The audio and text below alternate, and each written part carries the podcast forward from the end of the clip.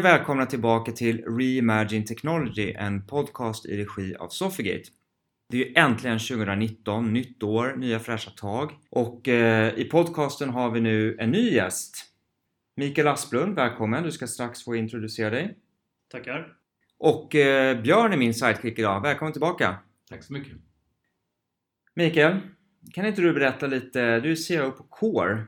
Vem är du och vad är Core? Gärna! Jo, jag är CIO på Core sedan ungefär två år tillbaka. Jag har varit på Core totalt i fyra och ett halvt år drygt. Innan dess så har jag en bakgrund professionellt då som, som konsult. Jag har också varit egenföretagare och startade egentligen i, i teknikänden en gång i tiden som, ja, jag brukar kalla det för Adidas-doja då, men, men helpdesk-tekniker. Och eh, utvecklades hyfsat eh, fort inom, inom det området så jag fick mer och mer ansvar för, för infrastruktur. Så infrastruktur och säkerhet har varit den, den botten jag startade på och, och sen så tillsammans med en eh, civilingenjörsutbildning då inom elektroteknik så började jag så småningom jobba på först Deloitte och sen Accenture där jag jobbade i sammanlagt 12 år. Både i Sverige, Norden och eh, internationellt i Australien under några år. Så det är väl eh, kort om min bakgrund då. Helt enkelt att, eh, att jag kommer från teknikhållet vilket jag tror är inte ovanligt kanske men, men eh, inte det vanligaste heller som, som CIO. Och Core, vad är Core? Core är ett bolag inom fastighetsservicebranschen. Eh, facility Management heter det på engelska då och, och, kortfattat kan man säga att det handlar om all typ av service som har med en fastighet att göra inuti eller utanför. Och det är inte bara huset då utan det kan naturligtvis vara trädgårdar eller andra typer av ytor. Inte sällan industrisite faktiskt. Så vi är helt besatta av eh, service eh, kan man säga. Och vår huvudgren heter Integrated Facility Management vilket då betyder att vi, vi helst av allt vill göra olika discipliner inom service runt fastigheter i ett och samma kontrakt. Eh, de tre största service lines som vi jobbar med är eh, cleaning, städning då, facility eh, management som är då egentligen fastighetsservice. Då, då menar vi egentligen vaktmästeri och liksom rörmokare, eltjänster, flyttjänster. Det är lite mera fysiska runt en fastighet.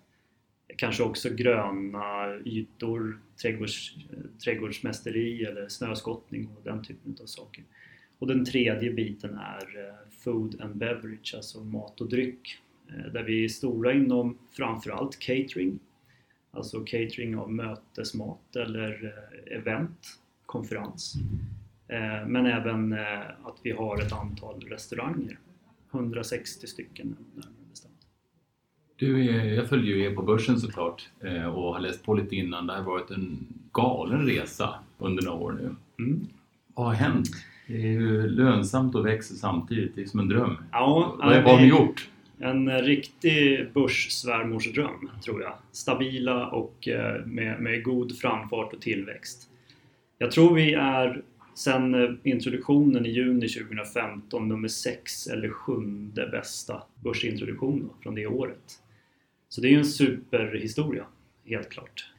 Historiken är ju att vi har varit eh, ägda av riskkapital, riskkapitalister sen, sen starten 1998 då, då Core hette Skanska Facility Services, egentligen en spin-off ifrån byggbranschen. Då. Där man inser att man behöver ha någon, någon form av efterservice på en fastighet naturligtvis. Vi bygger ett hus, någon behöver ta hand om vad som händer i och utanför huset. Då. För det degraderas ju vartefter. Och det blev så småningom Core. Sen så har ju Core växt med en stark affärsmodell just IFM, Integrated Facility Management, under, under många år tills vi var mogna för en börsintroduktion helt enkelt. Eh, och sen dess så har vi väl egentligen gjort två saker. Dels har vi stabiliserat läget som börsbolag eh, med bibehållen tillväxt, både organiskt eh, och även nu under 2018 med förvärv. Och ehm, det handlar ju väldigt mycket om att liksom sköta våra affärer på, på ett snyggt sätt och det, det, är en av de sakerna som jag är väldigt stolt över. Alltså det här bolaget är seriöst i grunden. Eh, och det tror jag bidrar till vår fina tillväxt.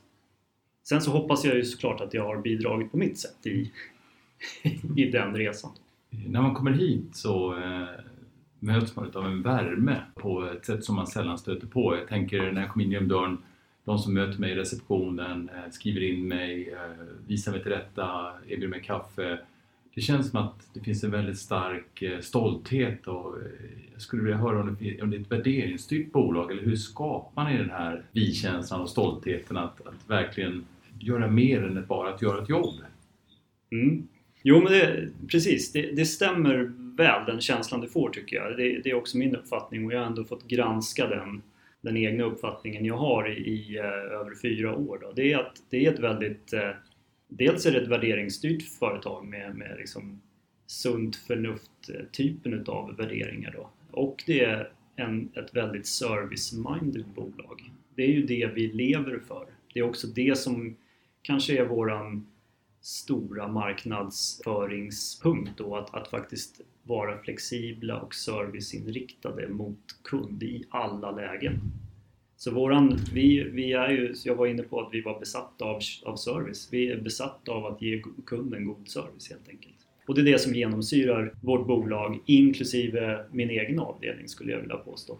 Eh, vi driver också just nu faktiskt en, eh, ett program på koncernnivå som heter Passion for People och det är för att förstärka det här extra mycket. Då.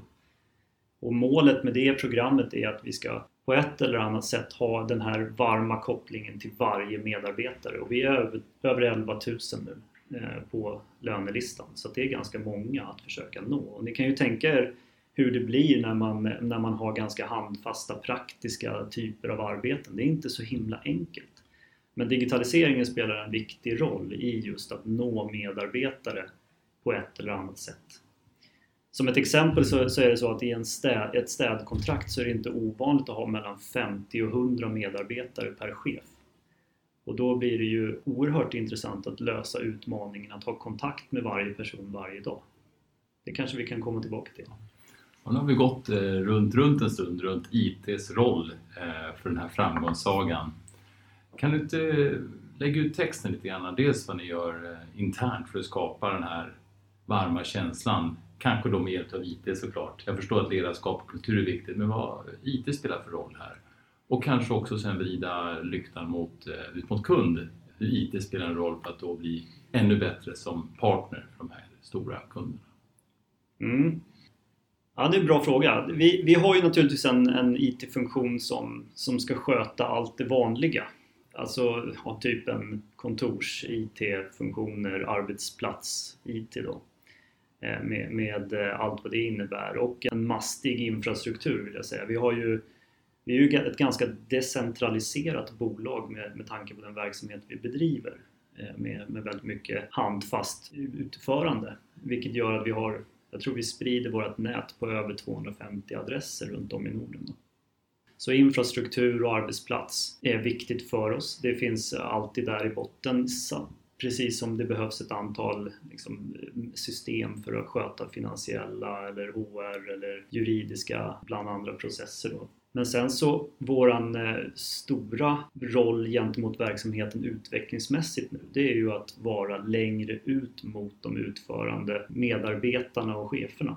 Att vara närmare den faktiska verklighet som de lever i och digitalisera den vardag som de har med allt ifrån mobila tjänster till Internet of Things, då, eh, sakernas internet. Och direkta verksamhetsstödsystem som, som har med den faktiska leveransen att göra. Det, skulle, det, det, det är inte självklart vad det är för någonting men ta, ta någonting som menyplanering i, i en restaurang. Det är en enormt komplicerad övning och se till att det fungerar på både ett näringsriktigt sätt med alla de varianter av en kanske en lunchmeny som man behöver för att vara vegetarisk, vegan, energirik eller inte energirik. Ehm, och det kan också vara allergener och så vidare som behöver, som behöver förstås kopplat till då råvaruinköp och där kommer vi in på sustainability, alltså hållbarhet som är oerhört viktigt och ett satsningsområde för mig också eh, genom digitaliseringen. Om vi blickar lite ännu längre fram, eh, när man går runt i ert kontor här eh, i Kista det är ju supermodernt och det finns en, rätt många coola lösningar. Det är nästan som man vill eh, komma hit bara på ett studiebesök för att bli inspirerad. Och det är som en concept store som vi pratar om där du gav oss en, en bra rundvisning här. Vad är det kunderna kommer att se om ett par år tror du? Vad är de senaste trenderna? Jag tänker, vi har ju tidigare pratat om aktivitetsbaserat, klimatkontroll av olika mötesrum, inloggningar, så man kan eh, välja plats och så vidare. Vad händer eh, om ett par år? Ja, det, nu är inte jag den stora vetenskapsmannen runt det här men jag ska, jag ska försöka ge er ett svar då. Och, ehm, eh, det händer ganska mycket. För det första är vi inne i det som vi brukar kalla för arbetsplats. Eh, arbetsplatstjänster, alltså workplace. Kontorsservice då. Eh, som är en del utav facility management egentligen. Vi arbetar väldigt mycket med det. Det är allt ifrån att bemanna en reception eller inte bemanna, därför att vi kanske har en virtuell reception som då med videokamera och så vidare ringer upp en central reception och släpper in någon eller så vidare. Eller vad det nu kan vara. Till eh, kaffe. Vi är faktiskt eh, Selectas största kund mm. eh, i, i Norden som ett exempel. Så det finns enormt mycket i det här. Men jag, jag upplever ju att den stora frågan är här hur vi kan bli mer effektiva. Det, det är ofta det som är, som är liksom utgångspunkten för en diskussion. Men det fina i att bli mer effektiva handlar inte om att spara mer pengar. Utan det handlar om att bli som medarbetare i ett kontor mer effektiv. Och det är ju en, en, ett skifte gentemot tidigare. Då. Tidigare så har vi ju räknat kvadratmeter yta och antal kronor som går åt för att utföra tjänster. Nu om man tittar på, på bakgrunden så utgår vi mer ifrån resonemanget att en kontorsyta är en del av kostnaden men den stora kostnaden i ett kontor är faktiskt löner och personal. Vilket gör att den delen av den totala summan används för business caset att spara pengar. Och då finns det viss forskning som till exempel visar att om vi kan förbättra luftkvaliteten, dålig jämfört med bra, i ett kontor. Det kan vara koldioxidhalt eller luftfuktighet. Så kan vi öka produktiviteten hos en medarbetare med mellan 8 och 11 procent. Och det är ett fantastiskt business case. Tänk på alla de pengarna mm. som, som vi skulle kunna förbättra. Naturligtvis finns det ju en massa parametrar runt det men våra, våra kunder vänder sig mer och mer åt den typen av incitament än de klassiska pris per kvadratmeter till exempel. Eller pris per timme receptionstjänst eller någonting motsvarande.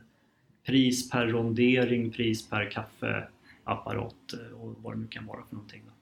Det du pratar om handlar ju mycket om innovation. Mm. Att ligga i framkant och vara en förebild för alla andra på marknaden. Hur jobbar ni med innovation? Hur ser den processen ut? Om det ens finns en process? Jo, men innovation är, är ju otroligt viktigt för kår. Det är ju en av de här värdegrunderna som vi, som vi arbetar med. Att vi alltid ska ha ett förbättringsarbete. Om du frågar våran VD vad är innovation? Då kommer han att hänvisa till våran förbättringsprocess. Så det är en stor del utav innovation på kår. Det är att varje medarbetare har ett uppdrag att, att hela tiden förbättra sin och andras vardag. Och då kan det vara allt ifrån att du vrider moppen åt vänster istället för höger när du kommer in på ett visst område till till exempel en teknisk lösning för att mäta koldioxid som är en helt annan typ av innovation. Då, eller eller så. Så att det, det, den, stora, den stora processen heter eh, löpande förbättringar egentligen. Då. Och de mäter vi genom att eh, egentligen räkna dem. Och så redovisar och utvärderar vi det varje kvartal. Sen så har vi också en dedikerad gruppering som kallas för just innovation. Som har den här lite mera research and development inriktade uppgiften. Då. Eh, och den leds inte utav mig utan av en, eh, en eh, systergruppering till, till mig. Då. Eh, och ehm, vi samarbetar ju otroligt tätt med den såklart.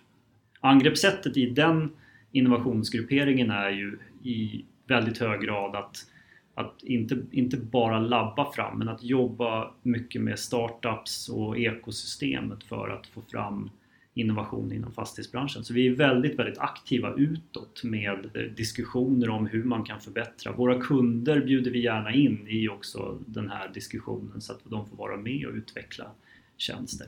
De som sen då ja, enligt en ganska klassisk garagemodell tas vidare till ett steg till. De eh, konceptualiserar vi ju såklart och, och vissa av dem hamnar också som konsumerbara tjänster hos våra kunder. Kan du inte berätta lite mer om det här med hur ni ligger nära startups? Så det är ju det här med co-creation och, och ligga nära early stage. Det är ju eh, många som pratar om det, men det är få som verkligen gör det. Kan du inte berätta lite mer hur ni har kopplat ihop er med, med olika typer av startups och är det någonting spännande som har kommit ut som du kan dela? Ja, vad ska vi ta för exempel då? Vi har ju en produkt som heter Smart Energy till exempel. Och det, det, vi har under många år haft eh, prefixet smart på den här typen utav produkter. Det är alltså inte den klassiska IFM-katalogen av tjänster som, som då är städning, mat och dryck och, och eh, fastighetsservice utan det är ja, tekniska innovationer eller, eller produkter som, som förenklar vardag eller, eller utförande av något slag. Då. Och Smart Energy handlar ju helt enkelt om att analysera data från värmesystem eller värme och kylsystem i hög grad i byggnader och optimera den. Och där jobbar vi med olika företag eh, för att liksom förstå hur ser marknaden ut och, och, naturligtvis så är vi en ganska attraktiv samarbetspartner för en, för en startup därför att vi har ju volymen, vi har kunderna, vi har ett nästan alla de stora börs och industribolagen i Sverige på kundlistan. Så att vi, vi har ju liksom kontakter ute på fältet och har möjligheten att påverka ute hos kund. Då kan vi ta med oss de här. Så egentligen så, så bjuder vi in olika personer från, från de här olika startups och, och, ibland så klickar det helt enkelt och så går vi vidare och kommersialiserar det här. Ofta genom att tillsammans med både den startupen då och kunden eh, som ja, få hjälpa till att finansiera och, och liksom släppa in oss som man säger. Vi har bland annat en kund i, i Danmark som är ett familjebolag som är väldigt intresserad av klimat och miljöfrågor. De har med hjälp av oss nu tagit in Core tillsammans med en, en av våra startups och installerat Smart Energy för att sänka kostnader för värme och ventilation i deras byggnader.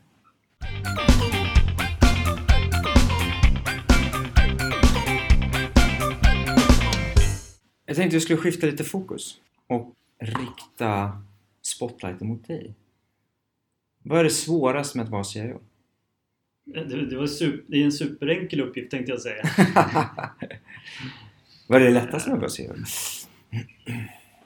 Ja, men det, jag, jag, tycker att jag har ett fantastiskt roligt jobb för det första. Det är, jag, jag, kan sällan klaga på att jag har ett eh, statiskt och, och eh, tråkigt jobb i, i avseendet att det, händer, det är alltid samma sak. Utan det är naturligtvis hundra saker i luften hela tiden. Och möjligen är det också en stor utmaning att ha så många intressenter.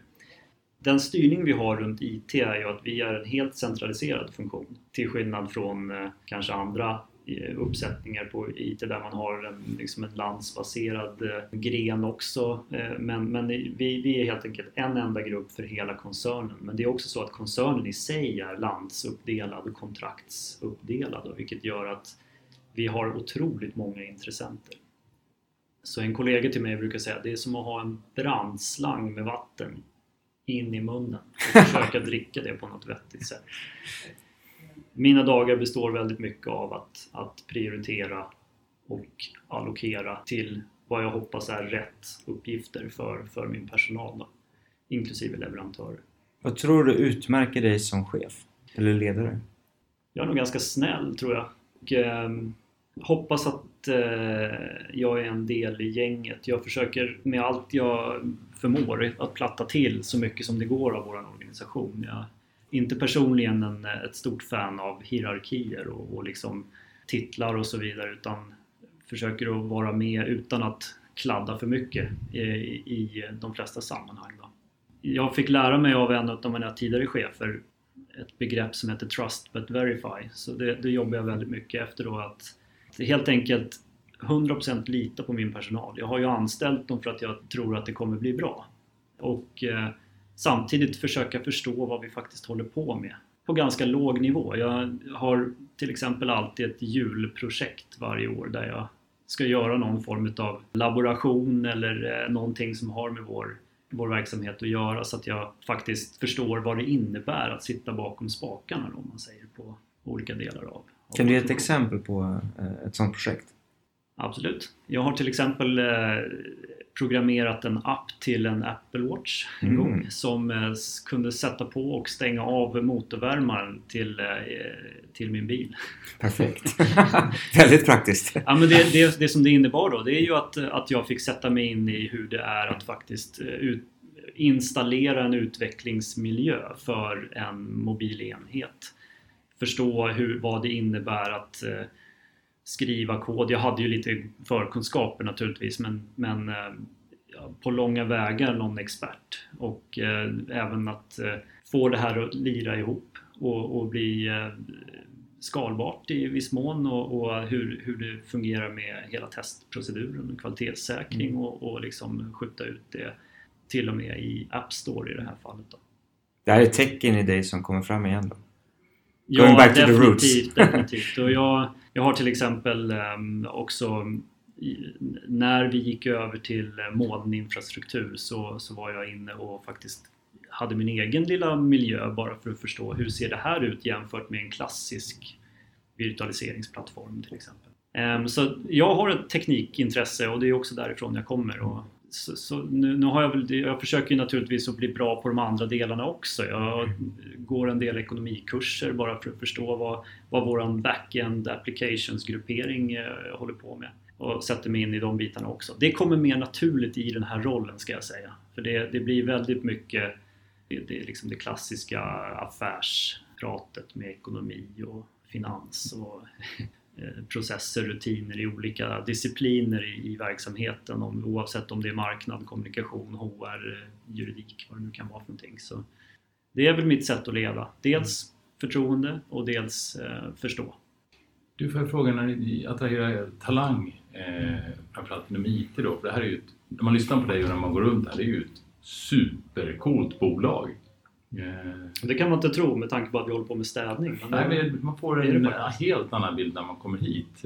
Kan du berätta lite grann hur ni tänker runt att attrahera och behålla talangfulla människor och, och bygga team och så vidare? Hur jobbar ni med det? Mm. Jo, men, men alltså, vi har, för det första så är det så att vi, vi har inte så många egna anställda. Vi jobbar väldigt mycket med, med att eh, outsourca till leverantör. Så vi, vi är 34 medarbetare på IT, vilket relativt sett är ganska få. Då. Men, men ändå, det är en bra laguppställning och den behöver ju vara riktigt vass, skulle jag vilja påstå. Så vi satsar väldigt mycket på att hitta rätt människor. Och eh, mitt angreppssätt har ju varit att ta det lugnt i den processen i hög grad. Och, eh, vi jobbar ju naturligtvis med rekryteringsbyråer. Det, det, är ett sätt. Vi har också en... Ehm, eh, jag försöker, men hela våran eh, led, ledningsgrupp egentligen försöker att vara ganska utåtriktade så att det, det, är fler och fler som känner till vad Core IT är. Inte bara vad Core Service Management som bolag är. Och det tror jag har varit viktigt. Det, det, är faktiskt några som har kommit in som har varit intresserade av vad vi håller på med. Genom leverantörer, genom konferenser. Jag har varit och pratat på ett antal. Min systergruppering Innovation är också otroligt duktiga på att vara ute och, och, och marknadsföra Core som bolag. Sen så tror jag faktiskt att börsnoteringen var ett starkt kliv framåt i det avseendet. Vi får ju mer och mer intresse. Så all in all, jag, jag tycker inte att det här har varit ett stort problem eh, faktiskt, att hitta, hitta personal. Men det, det är klart, det har varit högkonjunktur också, så det har varit eh, kanske tuffare än, ändå. då, då. Det har varit en fight för, ja, en, en, jag ska inte säga att det är en fight, men en eh, det har varit eh, lite utmanande att hitta rätt personal. Jag tycker att vi har lyckats väldigt bra. Bara en följdfråga på det då. Vad söker du efter när du, när du letar efter personal? Rätt person mer än rätt CV brukar jag säga. Och vad är det då? Rätt person? Ja, det är någon som, som eh, passar in i teamet. Man måste naturligtvis... Alltså även om du är extremt duktig på ett av våra affärssystem så är inte det receptet för att bli framgångsrik på Core utan det är snarare att kunna ska jag säga, brotta ner den utmanande sidan av vår företagskultur som då kanske jag ska säga entreprenörskap. Man måste kunna förhålla sig till en, en ganska snabbrörlig värld och med, med snabba beslut och lite omkast. Vi, vi kommer inte att vara den här stabila eh, IT-avdelningen som kommer göra samma sak år ut och år in och sitta och titta på det vi precis har skapat under en period för att sen kanske möjligen om man hinner och har tid gå vidare utan det, det går fort och vi, vi behöver också göra avsteg ifrån perfektion. Så att eh, i, i det resonemanget så ligger väldigt mycket av, eh, av svar på vem man behöver vara. Eh, någon som ofta har rört sig i lite mer komplexa miljöer. Har ett gediget teknik, eh, inte teknikkunnande kanske, men teknikförståelse och som har ett intresse av det. Och samtidigt som, är, som, som tycker att det känns inspirerande att sätta sig in i en, en så pass handfast bransch som, som vi ändå bedriver. Mm. Bra, eh, bra beskrivning tycker jag av talang som du söker. Som avslutande fråga, blicka lite in i framtiden. Vad ser du är den viktigaste trenden för dig i din roll som kommer påverka Core mest framåt? Ja, men det är en superbra fråga. Det finns flera trender som jag tror kommer påverka mig som CIO på Core eller vem det nu är som är CIO på Core. Jag lyssnade på någon av de tidigare podcasten och inser att det är sant som någon säger att det, det kanske inte ska vara, finnas en CIO i alla, alla tider framåt. Men det, det, tror jag absolut det är någonting, det ligger någonting i det där. Jag, vi, vi är ju i en, en fas i vår bransch som, som jag tror kanske har en, vi har en högre derivata eller en stegring av digitaliseringen än många andra branscher. Om, om bank och finans och, och försäkring kanske delvis är förbi delar av liksom transformation av affärsmodeller och hur eh, samarbete med sina kunder och slutkunder eh, fungerar så är vi inför den skulle jag vilja säga. Så, att, så vi står ju inför en, en riktigt spännande transformation vilket också kommer att innebära en förändring av för rollen som, eh, som IT-ansvarig eller CIO på, på Core, helt klart. Våran, eh, våran organisation är ju väldigt nyfikna på det här. Hur, hur kommer det att se ut? Vad kommer att hända? Får jag sia någonting så tror jag att eh, gig-ekonomi är någonting som kommer påverka oss. Och vad betyder det? Jo, vi kommer få helt andra typer av sätt att bemanna våran affär vilket gör att vår roll kommer att bli säkert mycket mer att liksom optimera den typen av process för oss själva då om man säger. Och ska man leda det i någonting, eh, vad är det för typ av förändring vi ser? Jo, jag tror att vi, om vi nu är centraliserade så kommer vi delvis bli mer decentraliserade för att inrikta oss i respektive service line tydligare än vad vi gör idag. Idag har vi ett fokus trots allt på den plattformen och sen blivit bättre och bättre i, i städ eller i mat och dryck eller i, i eh, fastighet. Men jag tror vi kommer att behöva, det kommer bli en volymökning av, av IT på grund av digitaliseringen och då kommer vi antagligen att förfina oss i respektive service line och bli experter inom de områdena. Det var en massa antaganden i det men, men mm. det är mm. ändå något, något sätt åt det hållet. Jag, jag jämför lite grann med hur andra branscher har eh, styrt mot product management. Då. Och eh, där tror jag att det ligger ganska mycket i. Vi, vi jobbar ju med, vi har väl en, eh, en tvåväxlad IT-avdelning kan man säga. Vi har ju dels våran liksom ganska stabila, traditionella projektstyrda utveckling och förvaltning och sen så har vi en, en, ett antal agila team som, som bygger mer produktliknande tjänster. Då. Eh, och i min värld så är det senare mer sannolikt att vi kommer att utveckla framåt. Och då, då är min gissning också att det blir inom de här affärsområdena. Och det ges ju lite grann av att vår affärsstrategi är att bli bäst på cleaning, bli bäst på food and beverage och bäst på property. Och då kommer IT att få följa med. Bra spaning! Tack så mycket Mikael Asplund, CEO på Core. Tack Björn, Sidekick. Jag heter Roland Fripp Kretschmar. Det här var Reimagine Technology, en podcast i regi av Sofigate. Tack så mycket, hejdå!